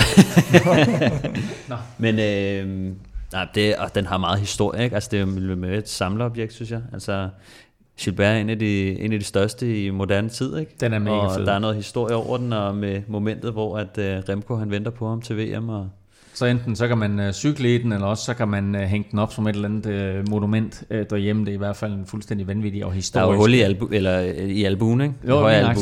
Så Så, øh, men Kim, øh, der er også noget med, at Kasper han faktisk selv er tidligere cykelrytter og har kørt mod en, som vi kender ret godt, og som måske er til stede her i dag. Ja, og det er ikke nogen af os to. det er ikke en af dig og mig. Jamen det er rigtigt. Han, øh, han fortalte jo, at, øh, at han kørte øh, i juniortiden, der kørte han for noget, der hed Festina Vejle. Øh, godt hold. Et, et godt hold og, og en god øh, klassisk øh, cykel, cykelsponsor med Festina. Og øh, med, med Rasmus Guldhammer og Chris Juhl, og, øh, og han har kørt noget, noget, noget Junior World Cup med Marcel Kittel, som Nå, jo dengang var, var mere enkeltstartsrytter. Han, han har tydeligvis haft mere talent end ham, vi har her. Ja, han uh, sagde nemlig også, at så synes, han synes nemlig, at han var nogenlunde samme årgang som Stefan, men han var hjemme i gang med at researche lidt i de gamle papirer, og, og selv på side 2 var der sgu ikke, uh, eller skulle i hvert fald om på side 2, før man fandt sådan... Jeg var jo en late bloomer. Stefan Reinhardt. Nej, jeg tror, ret skal være ret. Altså, jeg var faktisk, øh, jeg var, jeg var sådan okay god op til juniortiden. Øh, jeg kørte rigtig stærkt som førsteårs junior i fire cykelløb, tror jeg. Så blev jeg skadet. Øh, jeg havde simpelthen, jeg tror, jeg, jeg tror faktisk, det er rigtigt der. Øh, jeg havde aldrig rigtig trænet særlig meget. Og så, øh, så fik jeg min første træner, som, som også trænede, øh, en der hedder Lars Brian, som trænede øh, hvad hedder det, Sebastian Lander og Rasmus Kvade, som var de to bedste øh, af min årgang øh, på den tid. Så fik jeg ham som træner, og så begyndte jeg for alvor at træne, og så, øh, så fik jeg sådan en overbelastningsskade i min, øh, min højre læg, øh, og jeg tror, det var, så vidt jeg kunne forstå på det, der var øh, revnet i, min, øh, i sådan den hinde, der sidder rundt om lægmusklen. Øh, for mig føltes det bare som sådan en rigtig kraftig vokseværk, og jeg kunne simpelthen ikke træne med det. Så jeg holdt pause i øh, næsten halvandet år, og så, øh, så derfor har jeg nærmest ikke kørt i, i juniorrækken, og må derfor starte helt øh, ned bagfra. Og det næste, jeg siger, Kim, det skal også klippes ud, fordi ret skal være ret. Jeg har faktisk cyklet lidt med Lars Brian, og han kalder faktisk dig, Stefan, for et af de største talenter, vi har haft i Danmark. Så øh, selvfølgelig ked af, at det er sådan, at dine skader ja, er, kommet til at, er kommet til at gå ud over din karriere. Jeg tror, at det kunne have været blevet til lidt mere, hvis jeg ikke havde været skadet øh, så mange gange, som jeg har. Men øh, et af de største talenter, det ved, det ved jeg ikke. Kunne du derhjemme tænke dig at vinde den her øh, legendariske Philip Gilbert Quickstep-jakke fra VM sidste år i Yorkshire, og samtidig være med til at støtte Europa Podcast, så sker det altså på tier.dk. Beløbet er valgfrit, og du donerer hver gang vi udgiver en ny podcast, og når du donerer, så deltager du altså automatisk i lodtrækningen om jakken. Og for alle vores lodtrækninger, der gør vi det jo på den måde, at for hver femmer du donerer, der får du et lod i puljen, så jo større beløb, jo flere lodder, og dermed altså større chance for at vinde. Du finder link både på velropa.dk og på tier.dk. Vi skal tilbage til landsdokumentaren, fordi øh, Kim, som øh, tidligere fortalt, så har du jo øh, talt med David Zabriskie i telefonen, og du talte med ham lige da han havde set øh, anden og sidste episode af øh, den her dokumentar. Øh, og i dit interview, der fortæller han jo om øh, forskellen på at køre for for eksempel Johan Brunel og Bjørn Ries, og på at køre for US Postal og CSC. Og så fortæller han også om dengang han besejrede Lance Armstrong med øh, to sekunder på den indledende enkeltstart i Tour de France i 2005. Og så nævner han faktisk, Kim, flere gange, at øh, han godt kan lide Danmark, og han savner Danmark. Øh, og så taler I om en episode, hvor han fik testet det danske sundhedsvæsen. Og hvis man sådan lige skal forstå, hvad det drejer sig om, så er du måske lige nødt til at klæde lytterne på. Jamen det er rigtigt. Der havde været et, øh, et gadeløb i Herning, øh, som, som der jo sådan er. Jeg tror, det har været sådan noget efter, efter Tour de France sensommer i Danmark der. Og så skulle jeg egentlig... Øh, køre ham til lufthavnen sammen med en, en kollega, der hedder øh, Steffen. Og øh, så kommer vi ind på Hotel Eide, som øh, folk, der er bekendt med Herning, godt ved, hvad er. Et, øh, et, et hvad hedder sådan noget? Legendarisk det, det, hotel, det, skulle det, det, det, det er postgården i Herning. Ja, lige præcis. Og, øh, og det er så ikke så godt, fordi vi har været ude og køre bilerne i stillinger, så Brisky skulle bare lige op og tage et bad, og så øh, ligger han sådan set inde på gulvet der med, med, med hele håndledet øh, snittet op, og med et stort øh, Hvordan øh, viskestykke. Jamen, der er sådan nogle øh, svingdøre på Hotel Eide med, oh, med, med glas i, okay. og der kommer sådan en imod ham, og så tager ja. han bare sådan en refleks, så sætter han simpelthen hånden op, ind igennem glasset, og får simpelthen snittet, snittet håndledet op. Så det var, ikke, øh, det var ikke helt rart. Så det blev en tur på, øh, på Herning sygehus, i stedet for i Bilund Lufthavn. Sådan. Så det er den øh, reference, der var der. Her kommer Kims interview med David Zabriskie. Hello. Hey, Dave. It's Kim. Hey, Kim. How are you? Fine, thanks. How about you? Eh, just staying safe, I guess. It's uh, it's a little messy. I really miss Denmark. I'll tell you that. It's been a while. You're still with Randy and the kids. Yeah, still got it. One just turned 12 yesterday. The other one, he's about to be 10. Yeah, just rolling through life here. California, San Diego, or where, where were you at? Yeah, California. I'm a little north of uh, Los Angeles. Yeah, closer to what's known as Ventura County. Tell me a little bit about this Floyds of Leadville. It's uh Floyd and I. We were always good buddies, and then uh, all that stuff happened, and then uh, yeah, we we got to be good buddies again.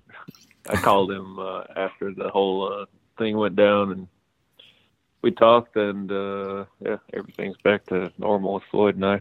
Then at some point, he said he wanted to go into the marijuana business, and I was a bit uh, apprehensive at first, but yeah, we just started hanging out in Colorado a bunch, and it just kind of happened. And then, uh, so we have a few. We have a dispensary in uh, Colorado, and then we have a couple in Oregon, two or three out there. But the main business is uh, the CBD part of the plant, which is the non-psychoactive part that, and you can sell that everywhere in America. So it's a little more uh, profitable. They put it in everything, dog treats. yeah, I mean, it kind of helps with the anxiety and uh, pain. Your body has these uh, receptors. Whenever your body kind of gets uh, unbalanced, it kind of kind of bring balance back to your body. And right now there's a there's a, a documentary out on ESPN, the 30 for 30 documentary. Have you seen it? Yeah, I, we just watched it, uh, the second part last night. Do you think it, uh, it's uh, is it bringing something new, or, or did we already know uh, everything that was out there? Yeah, I didn't. I don't think it brought anything new, really, myself. I mean, I mean, it a little bit here and there in very small doses. You got to see maybe some uh, different sides of Lance, but uh, I mean, it's there's just so much. Uh, the story's so complicated and happened over so many years. It's it's almost impossible to capture it in four hours. At this point, they should just stop trying to uh, to make it a, a serious movie and just turn it into a a comedy. They should let the guys that made the Big Lebowski uh, write a script. Yeah. Yeah, but but you yeah you you wrote for both uh, Johan Brunel, you wrote for Bjarne Ries. Um, Yeah. Can you can you describe like these uh, personalities, the differences and, and similarities? I don't know. Uh, Johan, he was he seemed to be a, a nice guy. Like I mean, he, I think he cared about his work and uh, the job, but uh, the team was all based around Lance and the Tour de France. So that's kind of the only thing that he really uh, probably cared about at the time. But he probably just didn't understand me. I don't even understand me. They just wanted a real polished look, and they wanted people to talk and be like Lance and uh, Hmm. be super professional looking, and that's just that's not easy for me to do. I mean, I almost after that, I almost went to. Uh, I think my career almost ended. I almost went to a team called Jelly Belly in America. I mean, Bjarne, he got we got in touch with each other at the last moment, and uh yeah. So then I joined CSC. Uh, yeah, and that first that 2005 was a pretty. I'd say that was probably my best year in cycling. Just uh, it was just such a new environment, and uh, it was such an interesting team dynamic. Uh, Bjarne just really, I'd never met anybody that really like. You just got the sense that he really cared about every single person on the in the whole organization. Yeah, I'm like a I could be a quiet, introverted person quite a bit myself, so uh, I kind of understood his uh, his personality a little bit. So it was uh, it was just interesting for me to see someone like that. But, uh, And, Yeah. and and here in Denmark, you're obviously most known for the uh, fantastic uh, time trial in uh, 2005, where you set the new tour record for fastest time trial, 54.676 kilometers an hour, and you beat Lance by Yeah. two seconds. That was one hell of a ride. yeah, that was uh, a pretty good one. that was one of the only times I actually stopped uh, drinking coffee for a few weeks.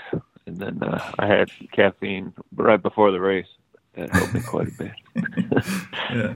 You had the just as famous crash just near the end of the team time trial. I think when when you crashed, you don't really know what happened. Uh, Have, did you find, Yeah, find out think I- later? or I, I think I've figured it out now. It happened at Vandeveld a couple of times, and uh, and then him and I just kind of put it together. It's when you you're going to put down a, a pedal stroke, and somehow the the freewheel in the back doesn't engage. So if you're going to put your pedal down and there's no resistance, but you think there's going to be resistance, it's like pushing. It's like your chain breaks almost. Like there's no resistance.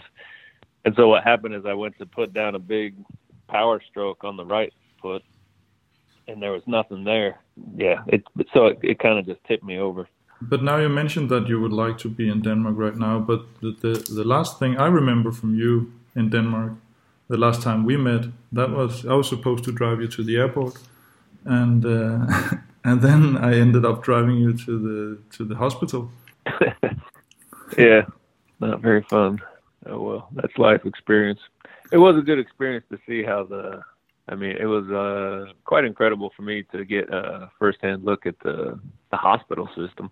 Just so nice and caring. Once again, uh, I mean, everyone I met in Denmark was really just just nice people. I really, I mean, the doctor was really uh, just a nice guy, and then they uh, just little things that they do that probably doesn't seem like much. Like they pulled an extra bed into the room and let my wife rest with me.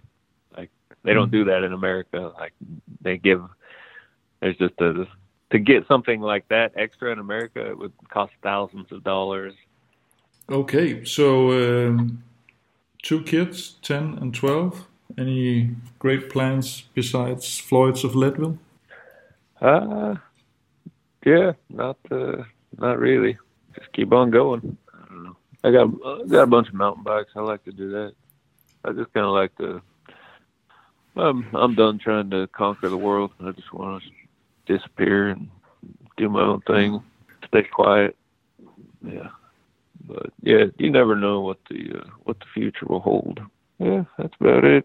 Got some new rollerblades. Do that a little bit. det lyder jo uh, lidt som om Kim her, han har taget for mange var- vareprøverne selv. Meget chill, uh, easy going. Uh, var det også sådan, han var dengang? Ja, både og. Det var, altså, jeg kan huske det første, første gang, jeg skulle tale med ham, der var det også sådan noget, man, var, man ikke rigtig var klar om, han var i telefonen stadigvæk. Øh, han, han var over i Utah, hvor han kommer fra, og, og jeg skulle lave et interview til, til vores hjemmeside, tror jeg, på, på Team CSC. Og det var også noget underligt noget, hvor man ikke rigtig vidste, hvad fanden er det her for en... Altså enten så er, har han virkelig meget humor, eller også så har han slet ingenting. Det skulle man ligesom prøve. Og jeg havde godt på fornemmelsen, at der, at der var lidt, lidt inde bagved. Men altså, han nævner selv det her med The Big Lebowski, Ja. og det lyder jo flere, altså, han, flere gange, der lyder han jo faktisk næsten som The Dude.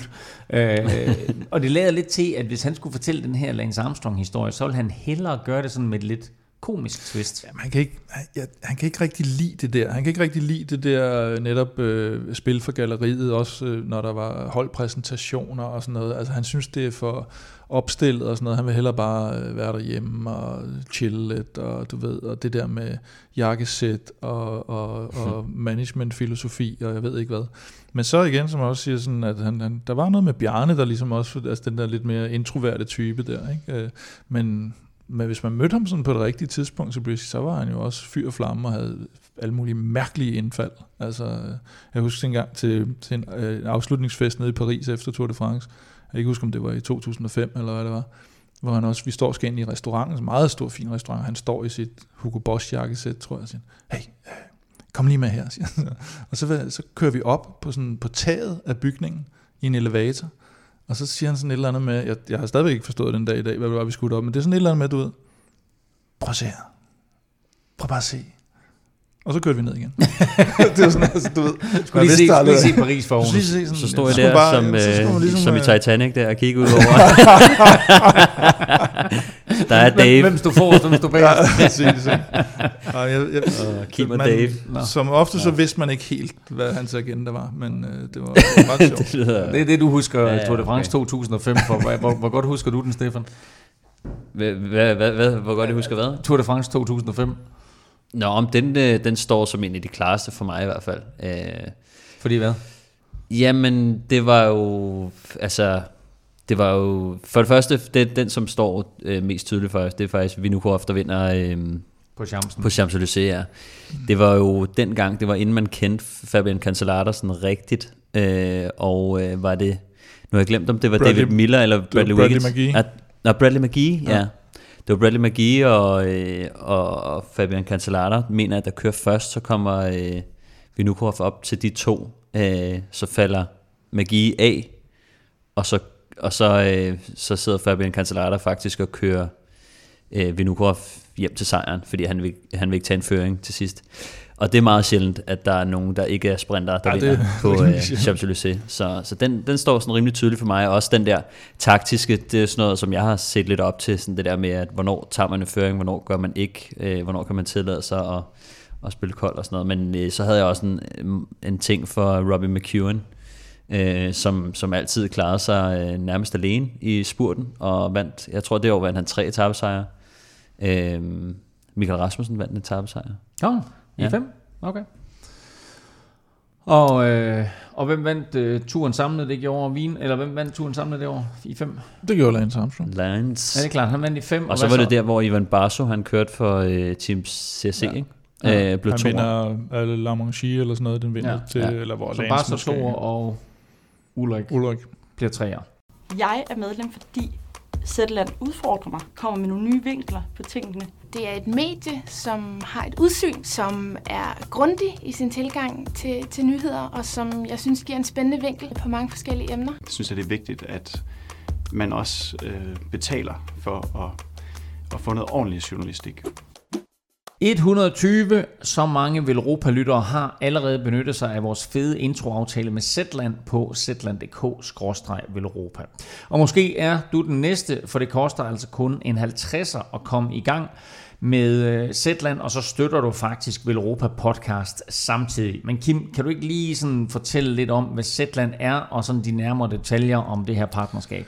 Jo, Zetland er jo et, et online nyhedsmedie, som vælger ikke at satse på, på breaking news, men mere historier om, hvorfor det er, at ting sker, eller analysere baggrunden for, for de, de store sager, der, der, der præger verden. Og øh, så det er noget med fordybelse, og så har de været så venlige øh, at sige, om ikke vi skulle lave et, et samarbejde, hvor de, de kunne støtte os, og vi kunne støtte dem, ved at vi sender nogle, øh, nogle læsere over til dem, der også godt kunne tænke sig lidt mere fordybelse i, i, i nyhedsbilledet.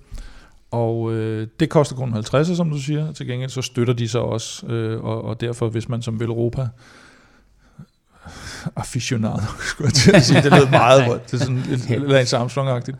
Øhm, hvis man sådan godt kunne tænke sig at støtte os, så er det en god mulighed, fordi at det, det er også noget, der vi kan mærke, når, når folk støtter her. Vi kan helt sikkert mærke det, og jeg kan faktisk mærke, at mit medieforbrug, mit nyhedsforbrug har ændret sig faktisk efter den her aftale med Zetland, fordi øh, jeg lytter altid til et eller andet, øh, hvad enten jeg er på cyklen, eller jeg er i bilen, eller whatever jeg laver, og jeg er begyndt at lytte rigtig, rigtig meget til Zetland. Jeg synes, deres øh, tilgang er super fed. Jeg synes, der er nogle af de her artikler, hvor de lægger lidt lydbider ind på, og har interviewdele, og øh, laver lidt sound effects. Altså, det er bare en fantastisk måde at konsumere nyheder på, så jeg er blevet rigtig, rigtig glad for, øh, for Zetland, og det er faktisk fuldstændig uden pis. 50 kroner, så har du adgang til et af Danmarks øh, nyeste og mest moderne medier, der giver dig indblik og fordybelse, og de her 50 kroner, de dækker altså to måneder. Det er under en øh, tredjedel af den normale pris. Du sparer penge, du bliver klogere, og samtidig så støtter du, som Kim siger, altså Velropa Podcast. Så gå ind på Zetland med z.dk-velropa og tilmeld dig nu. Det koster en 50'er for to måneders abonnement til Velropa Intropris. Sæt i gang. Vi skal lige omkring et par markante nyheder og historier fra cyklingens verden, og vi lægger ud med den her positive nyhed, som vi fortalte om i starten for dansk cykling, nemlig udmeldingen om, at DM Stefan formodentlig gennemføres. Ja, det, det gør det højst sandsynligt. Øhm, det kommer lidt an på, hvornår. Øh, det kommer lidt an på det her forsamlingsforbud. Øhm, jeg tror, at de må maksimalt øh, komme op på 500 øh, indtil 1. september, så vidt jeg ved. Øh, så de har umiddelbart så kører de det den, øh, den 22. og 23. august med en alternativ dato på den 5. og 6. Øh, september. Og det er på Fyn. Og det bliver kørt øh, på Fyn, ja. Det er jo øh, som jeg sagde tidligere, Claus Rasmussen, øh, Alex Rasmussens far, der, øh, der styrer cykelbanen i Odense og også arrangerer øh, Fyn rundt. Øh, det, det måtte de jo aflyse i år, som skulle være afholdt øh, den 8. maj. Øh, så derfor så har de arrangeret en masse, øh, som de ikke får lov at, at afholde. Og øh, der er de så slået til øh, og tilbyder så den her, øh, den her rute, øh, som så vidt jeg forstår det lige nu, så er det 11,7 km rundstrækning, som de, øh, som de skal køre rundt på. Jeg håber, de kommer til at køre en stor runde, og så kommer ind på de her omgange. Mm. Men umiddelbart, så, så, så, så forstår jeg det sådan, at, at de skal køre på den så her det bliver sådan lidt mere lukkede- gadeløb end et egentligt uh, landevejs-DM. Ja, gadeløb, det plejer at være lidt kortere øh, rundstrækninger, men, men det, er, øh, det er en lille runde at køre, øh, fordi de skal jo op og køre 200 km, så det bliver jo 20 omgange eller sådan noget på, øh, på den omgang. Øh, og, og Fyn rundt bliver så kørt dagen inden DM. Øh, så de får Okay, ligesom, så det bliver alligevel afviklet Fyn rundt. Jamen det er så det, der, der, de har jo også lidt efter, hvor- hvordan kunne de gøre det, og det giver jo rigtig god mening for dem at, at gøre det i samarbejde med, med, med DM, ikke? Øh, fordi at så kommer der lidt flere mennesker, og motionisterne, de, øh, de kan godt lide at køre lidt og se cykelløb samtidig, så, øh, så det passer rigtig godt.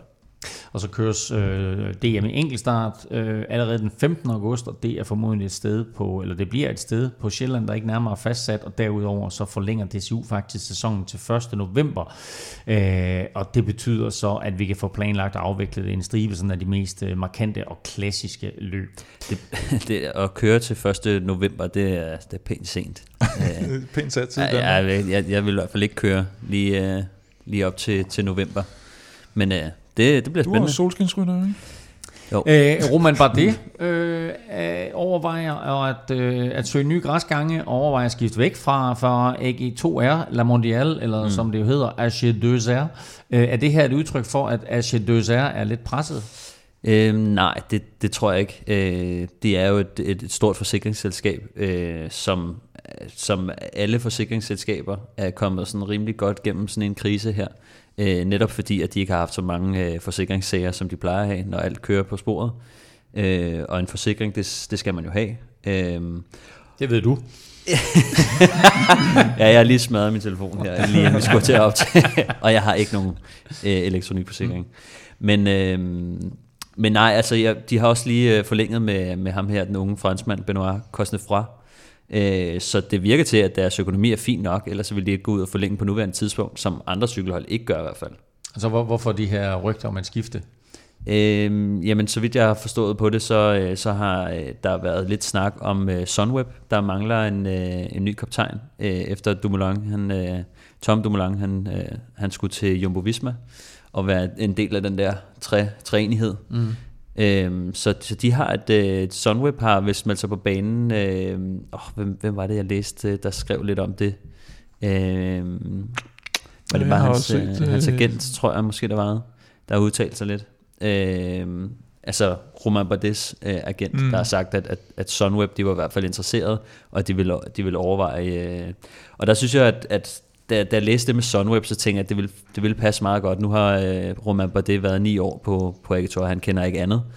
Øhm, og, og der er det her unge øh, Team Sunweb hold, der, øh, der virkelig har, øh, har leveret nogle store resultater. De har de kan finde ud af holdtidskørsel, øh, ved vi. Øh, og de, de, de er generelt yngre end, øh, end, øh, end Agitor er. Øh, og så synes jeg også, at, at de har de har nogle andre teknikker, de har, øh, de har meget viden om udstyr og, og træningsmetoder. Vi ved, at Morten Bennegaard har været der på, som også øh, ved rigtig meget om, øh, Mm. om, hvordan man skal træne. Og de franske hold, de har altså bare rygte for, at at de, ikke, de kører sådan meget gammeldags øh, stil, hvor at de går ikke så meget op i træningsmetoder, udstyr og alle de her ting. Øh, så så det, det, kunne være, øh, det kunne være øh, meget muligt. Og det seneste nye er også, at, øh, at Romain Bardet, han ikke kører efter klassement i Tour de France, siger Mm. han. Han vil bare gå ud og køre offensiv. Køre. Og det synes jeg er meget, øh, det, det, er sådan, det er en forlidt erklæring. Altså jeg ved ikke, hvad han tænker på. Fordi at, altså som vi, vi havde, øh, hvad hedder det, øhm, vi havde Kasper inde og snakke om turruten. Han sagde, det var, det var uden de her enkeltstartskilometer. Øh, meget sådan op og ned. Øh, han kaldte det jo øh, en rute til Alaphilippe. Og øh, jeg synes bare, at sådan, som, som franskmand, der har været på podiet før, mm. øh, der burde man altså gå, gå all in, i stedet for at, at gøre som, øh, hvad hedder han? Øh, Men er det ikke set før, at man har ligesom meldt det ud for at tage presset lidt fra...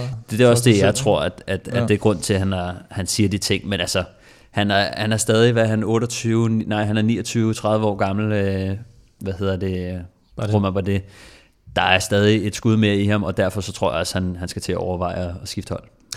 Hvis han skifter hold, så bliver det ikke før til øh, næste år. Til gengæld så kommer Mitchelton Scott til at skifte navn allerede i år. Det bliver ikke lige med det samme, men det bliver fra 4. oktober. Fordi der er der nemlig en ny partner på det australske mandskab, Kim. Og hvem er det? Ja, mit spansk er jo ikke det bedste. Nej, men jeg vil virkelig gerne høre dig sige det her. Men undskyld mit Åh, franske. Manuela Fondacion. Og jeg elsker det dit lidt. godt. Ja, Manuela Fondacion, og hvad er det Det er en, en velgørenhedsorganisation fra, fra, øh, ja, fra Spanien. Nej, velgørenhedsorganisation, og øh, de- de var sådan lidt ude, øh, Mikkelton, at, øh, at de var sådan lidt i krise efter øh, i den her sæson. Så der var lidt rygter om, at øh, de måske har skåret lidt i lønningerne og så videre, at, øh, at, at de så skal ud og, og har fundet noget nyt, og det har de så gjort, og skifter så navn her i øh, ja, 4. oktober. Og det betyder så, at de kommer til at køre Tour de France under det eksisterende navn, Det Mitchelton eksisterende Scott. navn. Det vil Mitchelton og Scott gerne lige have, øh, der vil de gerne lige have deres sponsorat. Det vil de godt lige have Det med. vil de godt lige have med, ikke? Og så Ja. skifter de så umiddelbart derefter, om det kommer til at hedde Manuela Fondacion Scott, eller bare Manuela Fondacion, det ved vi faktisk ikke rigtigt endnu. Men uh, Mitchelton, Greenwich. Mitcheltons, Mitchelton, Mitchelton, Mikkelton er, er i hvert fald øh, ude.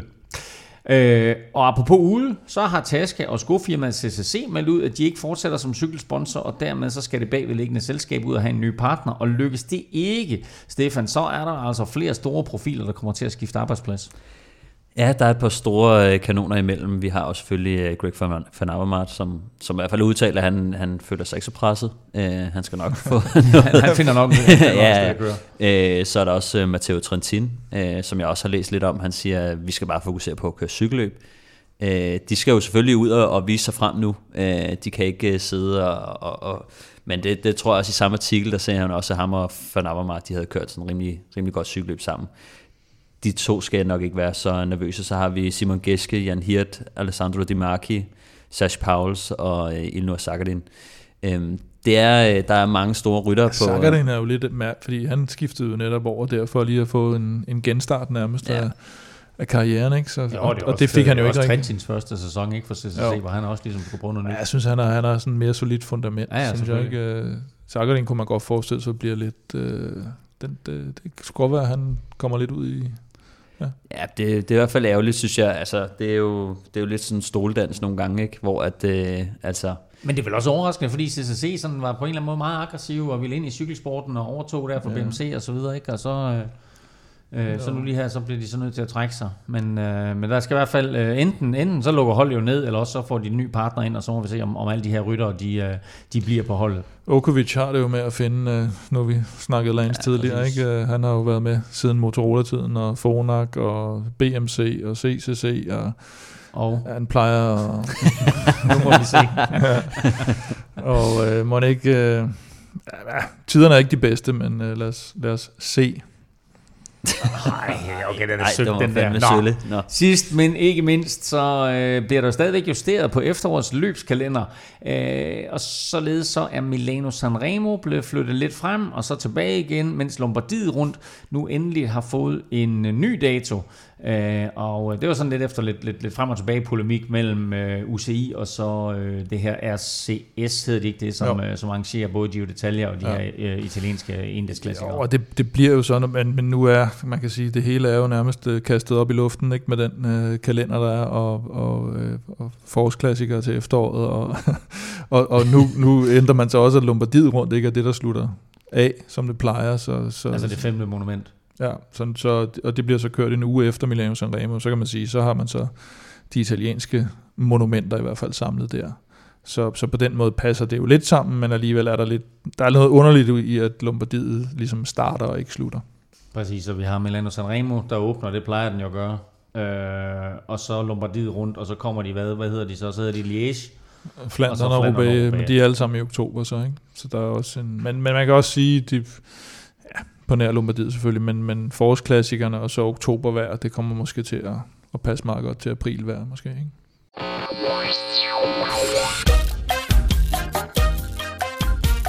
Så skal vi til det, gentlemen. Øh, en øh, skøn og lang og varieret podcast her, hvor vi er kommet vidt omkring. Der skal vi naturligvis tilbage til fundamentet, og det det hele drejer sig om, nemlig quizzen og afgørelsen i quizzen. Det står som sagt 10-9 til øh, Stefan, og øh, nu vil Kim jo ikke have, at vi kører efter kølingregler, så selvom det er Kim, der har vundet det seneste point, så vil han fortsat gerne have serveretten. Det er serveret plæsner jo. Præcis. Ja. Så serveretten den ligger hos dig, Kim, mm. og øh, det betyder også, at du har mulighed for enten at svare, eller at give første svar videre til Stefan, og spørgsmålet var jo altså, øh, hvem der vandt Flash Vallon i 1995 og 97. 96 udgaven blev vundet af Lance Armstrong, men hvem vandt i 95 og 97, og det er den samme rytter, vi leder efter. Spørger du mig, hvem der vandt, eller om jeg vil have serveretten? Nu har du serveretten. Nu har jeg serveretten. Nu skal jeg svare først. Nej, nej, nej. Jamen, det gør du jeg har så. serveretten, så må du enten svare, eller du give den til Stefan. Ikke? Altså, hvor lang tid har du været med i det her? Ah, Må jeg google? Nej. Nå, okay. Øh, jeg tager serveretten. Du tager serveretten, Jeg ja. siger Davide Rebellin. David Rebellin, det er et fremragende svar. Hvorfor lige ham? Jeg kan ikke sige andet, end det var min første indskydelse. Godt. Og det var ikke Chris Juhl. Nej, det var, jeg havde ham i tankerne den her gang. Ja, godt. Det var faktisk også min første indskydelse, Ja. så jeg er lidt bange for den her. Men, øh, men jeg tror, jeg må, øh, jeg må ud i noget, øh, enten øh, Paolo Bettini eller Michael Bogart. Bogart vandt ingenting, jo. Så sig Bettini. Ja, jeg, har, jeg, jeg har faktisk øh, tjekket hans, øh, hans CV for ikke så længe siden, og der var sgu alligevel noget. Men jeg, må, jeg bliver nødt til at sige Paolo Bettini. Godt. Og øh, jeg kan så sige til dig, at Paolo Bettini ikke er korrekt. Men derimod Kim Plesner, så, så er dit svar heller ikke korrekt. øh, nej, vi skal, øh, vi skal have fat i en fransk mand. Så siger jeg Laurent Jalabert. Hvad siger du, Stefan? Jalabert. Nå. Øhm, Gud.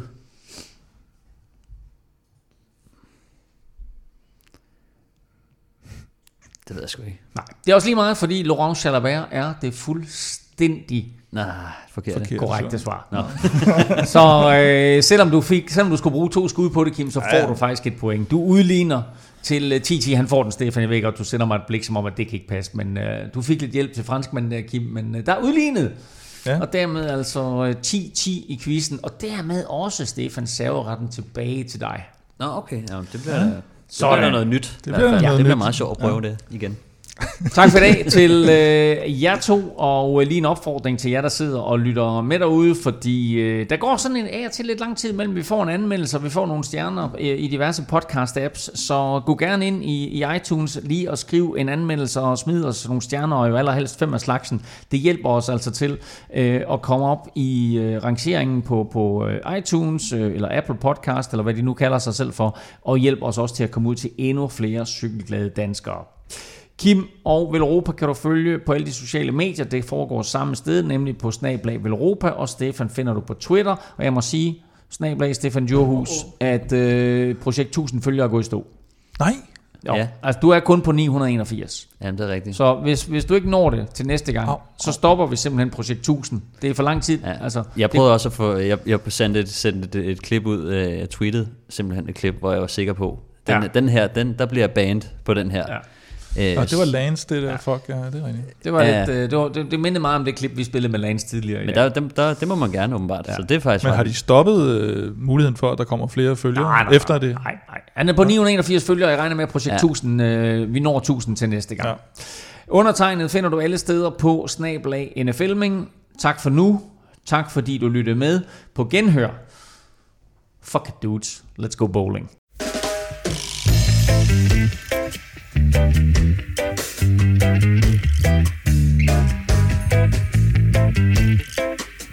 you